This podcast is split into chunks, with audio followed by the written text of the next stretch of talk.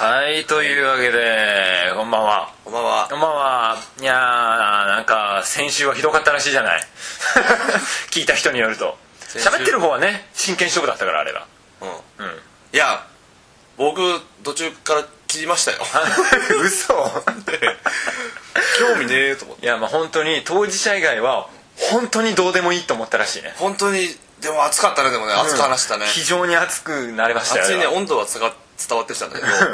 全く内容がね心に響かななるかほっどね温度だけが、た、うんああそうか じゃあちょっと反省ですねあれはねそうですねはい、さあというわけで今回は、いえー、11月29日日曜日はいいい肉の日いい肉の日みんなでお肉を食べに行こう 第44回ですね獅子というわけでね獅子肉を食べに行こうっていうおいいですね獅子奮陣の2人でお届けしておりますけ れども 何言ってんですかわかりわかりませんね楽なんちょっとガラスを割ったじゃないかさっ きガラスを今日はね今日はそうなんですよあのーちょっとまあ編集編集作業がね MST にあるもんだから、ん今日また MST の家で久しぶりにお届けしてるんですけれども、はいなんかさっきね俺にお茶を出そうとしてくれたのか知らないんですけど、はい思いっきりグラスを落っことしてね、はいパリーンっつってそうち割ょっってとあねの上にあってね、上の棚にあったのをあった湯飲みを取ろうとしたら、その手前にあったビールグラスをですねパリーン割ってしまいましていやーすごかったね引いたね粉々だったからね、そしてこんなに飛ぶのかという飛距離ちょっと怖いく らいまだちょっと怖い、はい、ちょっとね裸足で歩けない、いじやゃーあ掃除にもかけたんですけどもついね10分前に起きた出来事それ若干 MST がへこんでいますだから、はいなんかお気に入りのグラスだったんです お気に入りっていうかまあちょっとこれからまだはいちょっと粉々になった部分を探さなきゃいけないなと思うと辛いなって辛いね、気うん、持気ちをにつなけてくりまだすさいはいさあというわけでどうですかえなんかあれしょ先週は何だったんだっけあれ途中で消えたのは何でだったんだっけ先週は合同コンパですあそうか、また君はけ目の出ない合コンばかりね繰り返してさよくないよね目のね前にこう最近何かありました か今週とか何かありましたか昨日あの兄貴の結婚式でおいいじゃないおめでとうございますありがとうございますすちょっとほら兄弟は幸せをもうすでに掴んでるわけですよそうですねだから五神戸の兄貴がね、あのついに、まあ、結婚式っていうかあの、いわゆる披露宴とか式とかじゃなくて、ん結婚パーティーみああたいなねあ,、はいはいるじゃないですはいか、身内のねこうパーティーで、まあ、身内っていうか、まあ、友達をみんな寄ってねああなるほどパーティーだけでやろうっていうのをはいやはいはいったんですよまあでも、なんかねいいで すね、普通かお前は、うんでもずっとあのビデオ回してたんですけどああまたねカメラを撮影係で、そうまあ、普通はあんま親族がやることじゃないんで すけどはいはい、ああそう だねただまあそういえばそうだねあれでもさ君なんかはまだ兄弟とかいないからさ、わかんないと思うんだけど、はいはいはいあの兄弟のね結婚式って、非常に居心地悪いですよ、ああなるほどな、はい、だからそれこそあのー普通の結婚披露宴であれば、席が分かれてるじゃない親族うで、んだからその親族の席にいて、まあ、適当に親とかと話したらいいんだけど、はいはいでも今回の場合立食パーティーみたいなやつだったんですようん、おおはいだだからもうとりあえずもう兄貴の友達がぎょうさんおるわけはいはいで絡んだりするのか絡まんねえのかよく分かんないんだけど、なんか微妙な距離あ感れの距離感もねあ、あれは弟みたいな。あるじゃないあるあるそういうノリありそうそう、あのガキの頃からある、あの感じ。はいはいはいあ、初めて見た弟みたいな。似てる似てないとかそういう話。はいはいはいそこにねおーあめんどくさ い。みたいな。だか抜き足差し足ですよねそうそうれはなるほどならそういう意味で言うと、仕事があった方が楽ではあった。まあまあまあカメラに逃げ込めるからねそうそう。だから僕はカメラで逆にね、コメントもらったりするわけです。うんまあ弟の、ね、はい何々ですけども、ん MS ですけども、つって。っていう レスティーとはまあその場ではね言ってないだろうけれどもけども、まあ。 そうしたらまあまあ盛り上がるもんねんそうそすうるそねうそう。ちょっと盛り上がるじゃうんない。普段の友達のね、結婚式とかでメッセージもらうのよりははいはい、若干みんな温かく迎えてくれる。 そうだね誰だこいつみたいなことにはならないからねそうそうそう弟くんなんだうんっつって、いう感じでしたけど、ねそうかなるほどねそう親族も結婚していくわけだそうやってあでもでもなんかし親族が冠婚葬祭全部そうだけどさ親族が一度に貸してるところって居心地悪いよね悪いなんかねめちゃくちゃ悪いよねなんだろうねあの血が濃い感じね 血がつながってんだこの人たちとって思うとなんか嫌だよねいや僕それそれとねあとなんだろう、あのー、もともと家族とうん友達が絡むのが無理なんですよ、ああはいはいはいはいなるほどそうもうじゃあ姉とかの手紙が読まれたりするのは 本当に勘弁最悪なんですよだか らだからもうああいう親とかがいる場に、うんまあ俺の友達はいないけれども、うんねだから兄貴の友達とか、まあ、一応知ってる人がいるから、はいはいでなんか微妙な絡みとかあるとなでもなんかやだなーって思ったけどね まあでも幸せそうだったんでよかったですいけどやーいいですね結婚多いねなんかねこの時期何本も君も結婚式控えてたろ控えてますよ、うんさあそうそうそうそうなのよなんかねうこ昨日もさその二次会の司会をしなきゃいけなくてえ二次会の司会昨日やったのあ違う違うあのえっ、とあこれからやるこれからなんだけどうんそうそう司会をしなきゃいけなくて、うんその打ち合わせに付き合ってたのようん横浜までうんえーでしかし映像も作んなきゃいけなくて さそれなんでそれ引き受けたのそういやだから違うちゃんそれは高校時代の部活の同級生同士の結婚なわけよ、うんだかなんかやっぱめでたいじゃないらそれわかんないけど、うん君だってできないでしょ 編集とかまあ編集自体は完全にマスラオデブに頼むんですけそうどでしょ彼も彼でまたね、あのーそっちのマスラオデブ関係のうん結婚式の映像編集を4本ぐらい抱えてるっつってたからげえなやってもらえるのかなと思ってちょっと今心配なんですけどシーズンだねシーズンだねシーズンインザマリッジだねねよくわかんないうんうんうんうんですよ本当にいいいなみんなやーあそうだからそうだはい何をその兄貴の結婚式のうん終わった後に、うんあと他の友達のさ、うんあの友達の大学時代のはい友達とその先輩、うんまあ、面白い方知ってんだけど、うん結の構結婚をしたのをおーまあ、ちょっと身内だけの結婚式だったんで、うんちょっとみんなで飲もう軽くはいおごるよみたいな、はいそういう会がその後にあって、うんまあ、今日朝まで飲んだんですけうど、んへ結ー婚もうなんだかんだもそんなんなんだろうなんで年末今年中にしたいのみんなわかんない何なのまあななんんだだろろううねいやーちょっとまあじゃあちょっと一回オープニングいきますかそうです ねね結構結構なかなか喋ってしまいましたんでいやー結婚ラッシュですよ 結婚してえな君まだまだやんないと先に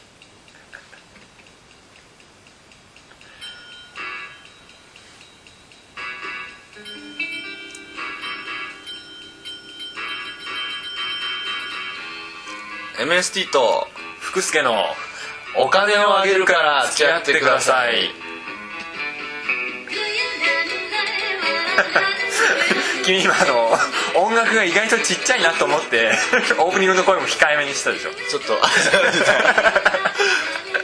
やでもよくわかんないこれどうなんかすごいテンションが低いみいたいつにもなと違ううから MST とすごい低くなっちゃったよさあというわさけであというわけでそうそう結婚式違うよ結婚式といえばですよ、はい今日はですね偽投稿が来ていますあらま お久しぶりね偽投稿が来てますから久しぶりですね偽投稿さん今日はね実はあの本当の投稿も来てますから、はいこれちょっと区別していかないとねやっぱりね、偽投稿とガチ投稿は区別していかないとそれはもちろんあのガチの人に失礼ですね失礼なんで、はえいー今から読むのは偽投稿です 投稿ってなんだって話ですけどねさあそれではちょっと読んでみたいと思います、えーこちらペンネームメスブタドンさんからの投稿ですどうもメスブタソンさんはい MST さん吐きだめ虫さんこんにちはこんにちは毎週楽しく聞いています最近私の周りが結婚ラッシュなんです毎週のように同僚や友人が結婚していきすっかりご祝儀貧乏ですてへせっかくなので二次会でいい男がいないか漁ってやろうと思っているのですがおう世のボーイズの皆さんは結婚式を出会いの場にする女ってドン引きですかそれともポン引きですか2人の意見を聞かせてくださいよろしくお願いします、という偽投稿だっなたるんほですどねけまれあどポもン引きではなまあポン引きではないよねいねポン引きではないうん大丈夫だよそそうれかは大丈夫だよ、 というそうですかねことなんですけれどもねでもあなんとなくあるよねそういうムードというかさムードっていうかまあうーんなんだろうどう見せちゃえばいいじゃんみたいななあ話はまあまあ言うけど、あるよね実際にそこで出会って、んくっついたって話はとんと聞かトないンと聞かないよね、なんていうんですか、まあ、男の側からすれば、いやあのせいぜいできてジロジロ見るぐらいですよそうそうそうぶいっ ないちゃけもうそういう場でさ、あのー何例えばその男の友達が結婚するときに行ったとして、うんはいその場に例えば二次会だと、女の友達も来るじゃん、うんその女の共通の友達だから、はいはいはいそうすると他の女の友達がいる中で、ん全然知らない人と絡む機会って、そうなんだよねまずないよそうなんだよねないよねいや仮にさあいいなと思う人がいたとしてもさそうそうそう絡むチャンスがないもんねまずないよだって大体もうそのコミュニティごとにさばらけてさ、うん座ったりするじゃん、はいはいはい固まって、だからまあないよねね可愛いらなくらいくらい思うだけだよねきっとだけだよねうんいやだからなんかでもねそうちょっとおせっかいな感じとかだと、そこでさなんていうの二次会パーティーとかで、なんかクイズ大会とかってさあああるかもしれそれであどうしてもさその何新郎新婦のそれぞれのコミュニティ、ん大学とかだったりさ高校とかだったり会社だったりってばらけちゃうから、うんあえてそこを最初にくじとか引かせておいて、混合のあーチームを作らせてクイズ大会やって、うんなんかみんなで一緒に考えさせるみたいあなーことをやるところがあるみたいだねないあそうなんだ俺そのパターンないわあ今ま本で当あの俺が12月に出席するのはそれです、あいいじゃないですねか、ただまあほとんど知ってる人なんですけど ね高校絡みなんあでーそういうことうか、んほとんど知ってる人なんでねでもあると思新うたに出会い直すっていうぐらいしかないんですけどねそういう場で出会えるとまたね幸せもらえるような感じになるかもしれなんかないね出会いのきっかけがなんかそういうのだといいよね、なんかそもそもがさなんかそういうチャンスを作りがちというかさ、んブーケトスとかあるじゃないだうっんて、うんうんななんていうの幸せが余ってるかだからら負けてやる和洋的なさそう上から目線のね上から目線だよね 上から投げるからねもうそもそもが あれもどうかと思うよねなんかね幸せが余っちゃって余っちゃってみたいなことでしょ要する にそういう出会いの場はいいかもしれないですねもう合コンとかあんまよくないですよ本当しみじみ、そうなんか説得力を感じるわもう合コン本当よくないなと思ったあのは合コンはダメなんだなって思うもんね、この間ねはい合コンで会った女の子 と、んあの人と会おうかっつって おうおちょっと前にねでいいじゃないですかまた進俺展進合コン展で会った時にはさ、そのやっぱ合コンの場って大体薄暗いんですよはいまあまあそういうなんていうの居酒屋とかだったりそうそうあのだね間接照明間接照明のね間接照明ですね、なんか若干男も女もはいいい風に見える見えるんだな、はいでも俺その時は俺それ知ってるからもう、もう僕も何回もやってますから まあそうまあね言うても言うても言うても合コンのプロフェッショナルですかそれは分かってますからら、はいもうもうね僕ももうその時はやっぱ気合を入れてですね、うんあの心眼で見るわけですよ 心の目でねうそはいはいいやこれこれを差し引きのみたいな、うんはいはい普段どう見えるまああとあの飲み会が終わった後とかね、ん始まる前の印象をはいちゃんと覚えて、ちゃんとね覚えておく と飲み会が外に出た途端になんだこいつみたいなとこありますから、うん失礼な話ですけどはね、いはいはいそれをちゃんと覚えておこうと思ったんだけども、でもこの前ちょっとまあその会った女の子うはんちょっといいかなと思ったわけよおお喋ってる感じは割と品のいい感じで、でまあまあまあ大丈夫じゃねえかなみたいな心眼で見てもらで思まったあわけだはいその後メールとかをやり取りをしましてですねおーまあ割とテンション高めだったんで、うんなんか会いたいよみたいなことを言ってきやがったんで,、ね、いいじゃないですか気持ち悪いなと思いながらいなんなんです思ってないだろや僕思っちゃうんだホクよホクって思うだろ普通ホクホクと思うじゃないうん俺ねそれ見た時にね、うん気持ち悪いこいつと思ったんだよねあーなんかそう向こうからガツガツ来られるそう向こうからガツガツ来られると気持ち悪いってなっちゃう人ですから 本当にその時俺気持ち悪いと思ってる自分に対してなんなんて不幸なんだろう俺はと思っ たけどねそうだねこういうのがこういうのが嫌いってすげえ不幸なことだなとか思いながらでまあ一応あったんですけど、はいまあそしたらねあの一応待ち合わせ場所でさ、今12週間経ってたのかな、まあ10日ぐらい経ってはて、いはいはいでもう若干うろ覚えじゃないですかまあそうだね顔も、うんでしかも間接照明だったじゃないです かだから、ちょっとわかんねえかなと思って、でちょっと見せられなくて、んで電話して、で今どこいるっつってで今これいるいるああいるいるっつってちょっとまあその時に電話をしてる女の子がいたんです、うんあーではいはい喋、ってる感じからするともうその子なんですけど、はいその子がもうまあがっかりでですね僕は これ大丈夫か聞いてないこのこのラジオででも絶対全然特定してないもんだって俺俺だって今年の合コンって200回目でしょこの間でこないだっつったじゃん今 ついこないだったみたいなこと言ってたぞ今え 言ってない言ってなれいだってもうあれ俺あれ2日に一遍やってたのこ大嘘じゃない2日に一遍やってる仕事何してんだよ一回なんだから全然問題ないですよはいでもだから200分の1の女の 子がはいいてまあ、あれと思ってさあれと思ったんだいやあーこれこう来たかみたいなでもまあよく思い出せれば確かにまあ面影がある当たり前だけどそ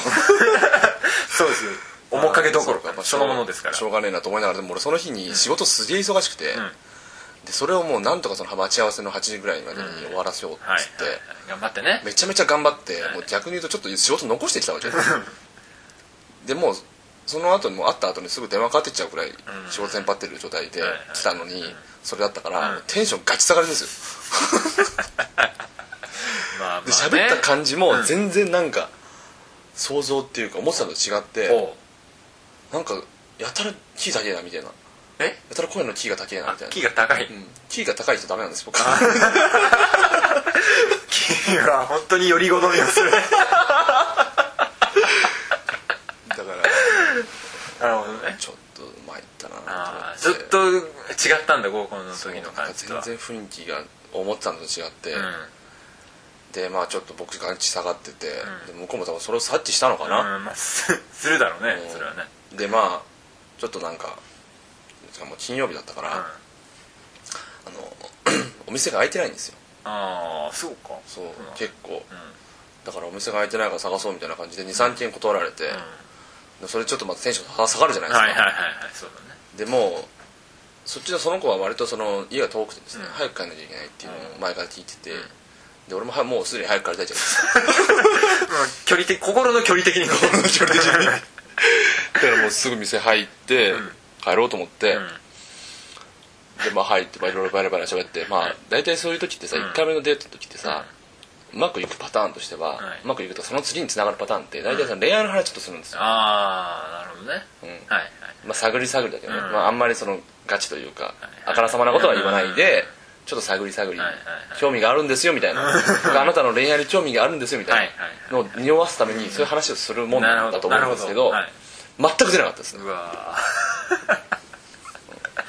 ーなるほどねこの旅行の話とうかわうわうわうわうわこれそんな あの電車で席が一緒になった人じゃないんだから さもっと踏み込んだ話をしようよそう全然踏み込んだ話しなくてもちょっと時間もちょっともう早めにさ、お会計しようかみたいな若干予定よりも早めに若干より早めに その時またドン引いたのはですね、あのー僕の心を凍りつかせた一言、はい女性の,、はいあの「じゃあお会計お願いします」っつって、でお会計が来るじゃないですか、はいでまあ一応、まあ、男のところに来るじゃないですか、で僕がその値段を見た時に、その彼女は何て言ったかと思います、はいえ いやいやいやわかんないいくら払えばいいって言ったんですよはっと思わないですかいくら払えばいいじゃねえだろなるほどね一応ためですとしてとしては、はいまあ、そのが大学生とかはねまだわかるんだけど、うん全然もうね収入とかも多分向こうの上ですよなるほどねこれこれこのような時間を過ごしてまいりましたが、はいでその結果いくら払えばいいの そうそうそう俺はっと思って、まあ、若干っていうかまあ1.5倍くらい僕は払いましたけども、彼女のはいまあなんかもうはなんだこいつだと思っちゃいましてですねもうそれもテンションすごい下がって、なるほどないやー気持ち悪い日でしたねちょっと心眼を持ってしてもあれだったないやだから本当にね間接照明の間接照明は気をつけて絶対に気をつけてそれまあいろいろよく言われることだけどね本当にね合コン初心者の人は本当に気をつけ てもう僕はもうね何回もやっててもこれだかこれらだ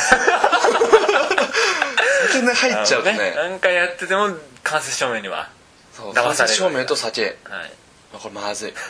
本当まずいですななってるなってるだからってるいやちょっとまずいですよ酔ってる時の間接照明には気をつけろとはなるほど MSC の合コンメモですね、ああそうか間接 照間接照明は言われるよねでもね、いでまあさっきその女の子からメールが来たんです けどねさだからもう特定されちゃうでしょさっきとか言ったらさまあ見てないと思いますよ聞いてない絶対聞いてないしいや100分の1が1分の1に今なってしまっていますけれどもねいやーそうかーなるほどなきついっすよテンション上がるなでもなんかメールはすごいテンション高いんですよねでもねおーまた会いたいみたいなこと言ってきやがあってれあれあれちょっといや僕も気持ち悪いんでもう返事もしませんけれどもひどいひどいよ君なんか言い草が言言いい草草ががひどいごめんなさいそんなことないですよそうやってほらまたモテから遠ざかってるかもわかんないよもしかしたらこのラジオのヘビーリスナーの中に、ん君の未来の彼女がいるかもわからないんだからでももうこの時点でいないんだよああそこは諦めが早いんだねということでまあはい まあこれはただのねちょっとデフォルメしていってますけどもそうかなそうとも思えないんでもすうけ結ど、ね、構デフォルメしてねあの90%ぐらいフィクションでお送りしてますけども恐遅い遅い言い訳が遅いということですはねい、はいさあというわけでじゃあどうしましょうかそしたらあと、まあ、10分ぐらいになってしまいましたけれど、はい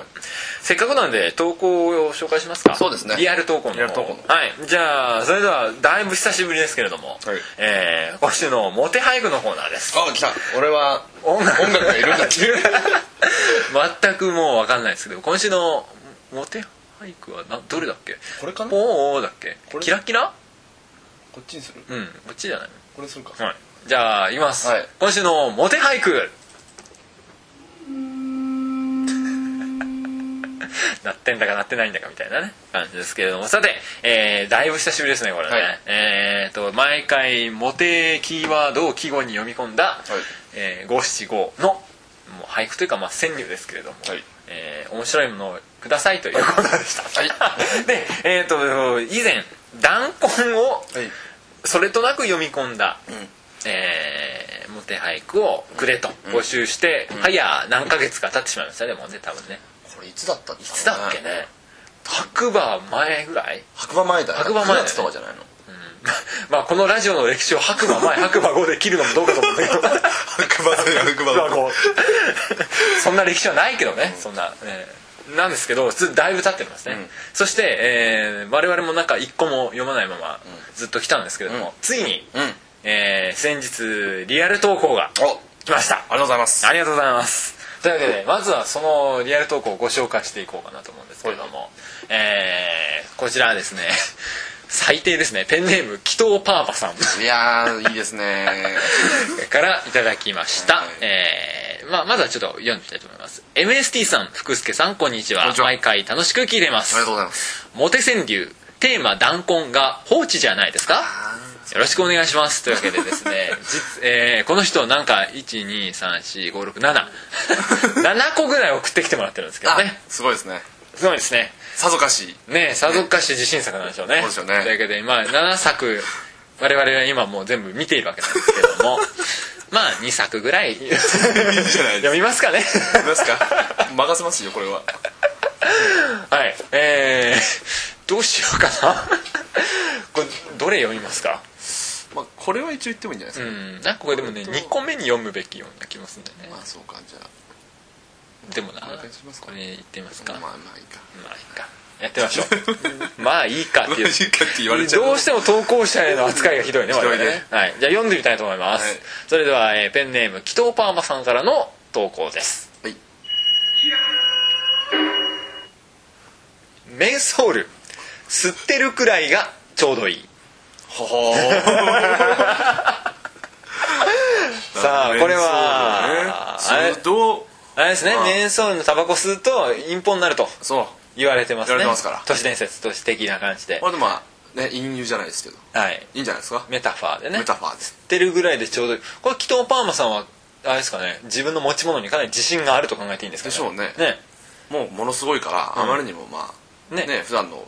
でも100%出しちゃうとやっぱりあのフリーザみた いに100%いっちゃうとやっぱり自分のね体が耐えられないみたいな相手の ね相手のスカウターがそうそう耐えられないみたいなとこあるスカウターが破れちゃうっていうことなんでねなるほど7060%ぐらいいいんじゃないかと いうことなんじゃないですか大変な自信家でいらっしゃいますねこの方はねそんななんですかねなるほどなるほどです吸ってるぐらいちょうどいいということでしたけれども これなんだっけ 別に採点とかはしないんだよね別にねしないしないうん、うんうんって言って終わりちょっと俺らこのリアル投稿慣れてなさすぎ てそうだねリアクションがよくわかんなリアいクションの仕方がわからないじゃあもう一個いきもう一回いきましょうはいもう一個同じくこれはこれは面白そうですねはいはいじゃあいきましょうダンコンを読み込んだこうはい紀藤パーマさんからのモザイク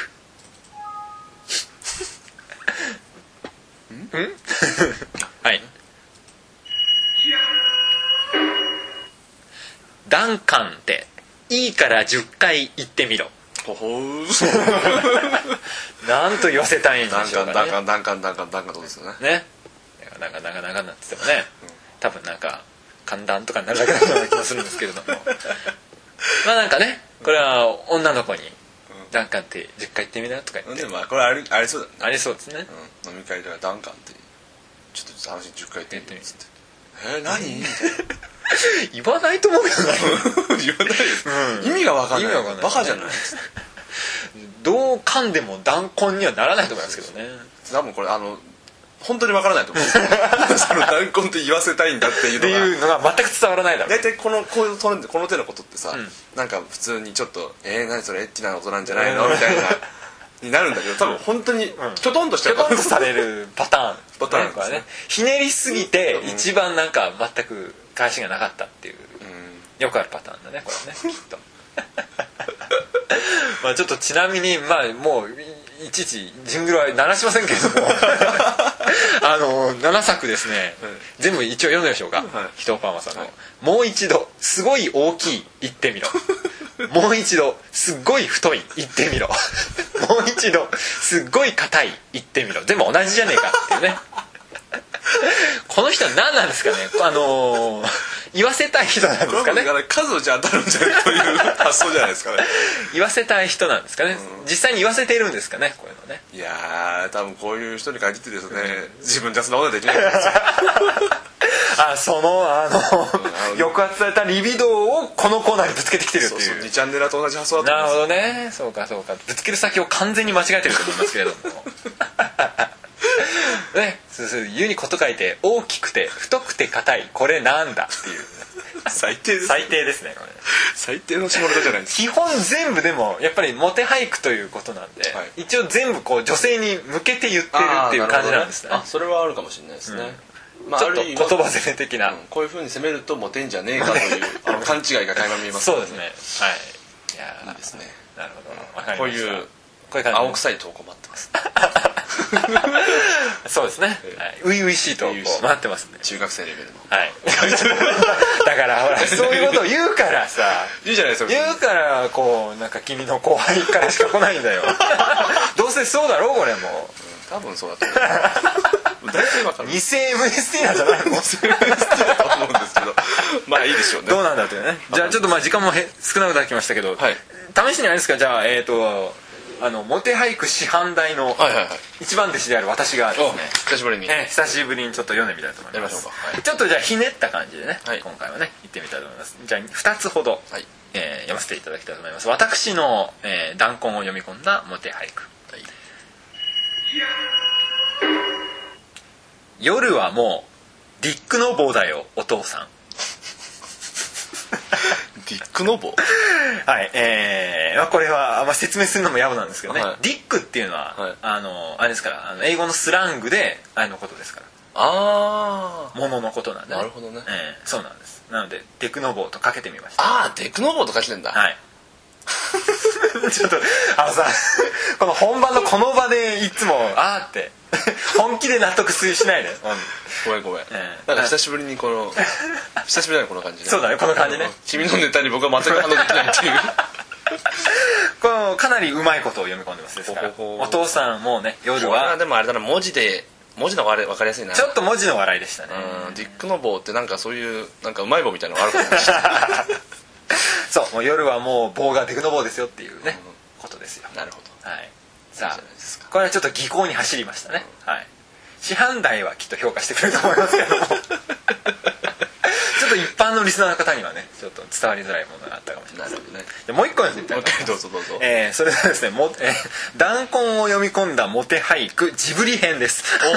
ージブリ編 はいジブリバージョンがありますからジブリバージョンはい行ってみたこいれとは期待してしはたいい、ですねはい、全くちょっとなんかまあいいやお願いします立たないぞムスカの息子はゴミのよ あーひどいですねひどいこれはひどういなあこれはひどい よこれはひどいよーうまい君うん我ながらうまいこそ考えるなと思いますけどね、うまいけどひどい君でもムスカのうん真似できたよねできないもう どんな振りだよそれできなかっできないよたあれあれでしょあのあれでしょギャグマラソンかなんかでやったやつでしょやってたよね あのあのゴミがまるで人のようだってやつでしょ そうそうそうそう お前のにそう見えてるだけだ っていうね積んであったんだろうねゴミがっていう割とお気に入りのネタですけれどもいやー面白いですねまあでももちろんさたまにはたまにはいいですねたまにはねこういうのねこういうモテ俳句をやるのも、はいやってみたらいいと思いますけれどもさあというわけでいやーあっという間でしたね間でしたねまあほとんど世間話でしたけれどもうんいやー君ちょっともう12月になりますけれどもこれはもうあれだね彼女はできないと考えてい いねいやわかんないよ全然わかんないこれはもう俺は最終回の用意を進めていいんだね 全然わかんない俺12月27日その日まで全くわからない本当かなそうかまあねじゃあそう27日にもしかしたらサプライズでねサプライズドサプライズあるんじゃないですわかからないこれ怖いですねじゃあ ドサプライズの匂いがプンとしますねこれねしないんだけどな ドキも抜かしてやる今日話してたそのがっかりしたこと付き合ってたら笑うけどねそれは それはもうもう平山 ですというわけでね12月の27日ギリギリまで最終回になるかどうか分かんないですけれども、なるほどね疲れちゃってんじゃないですか 疲れちゃってんじゃないかっていうねさあというわけで、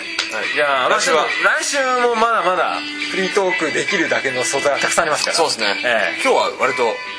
短いえ短かったですね少ない少ない素材で、ええかなりねね持ったんじゃないかと思います持ったっていい加減持つ持たないって話から卒業したいですけどもね大丈夫ですよもう持つんですよ何を話しても、あとはまあ来月のですね、はい金付きの動あ画コンテンツに、はいぜひぜひ期待してくださいいただきたいです今へん鋭意編集中ですんで、はい金をあげるから付き合ってくださいからついにラジオ飛び出しますということで期待してまああんま変わんないんですよ そうだねむしろあのポッドキャストで聞けないだけでちょっと不便なんじゃないか手間だっねていうだけかもしれないわかりましたさあそれではじゃあそろそろお別れしたいと思いますあフェードアウトしてっちゃうよこれ曲があじゃ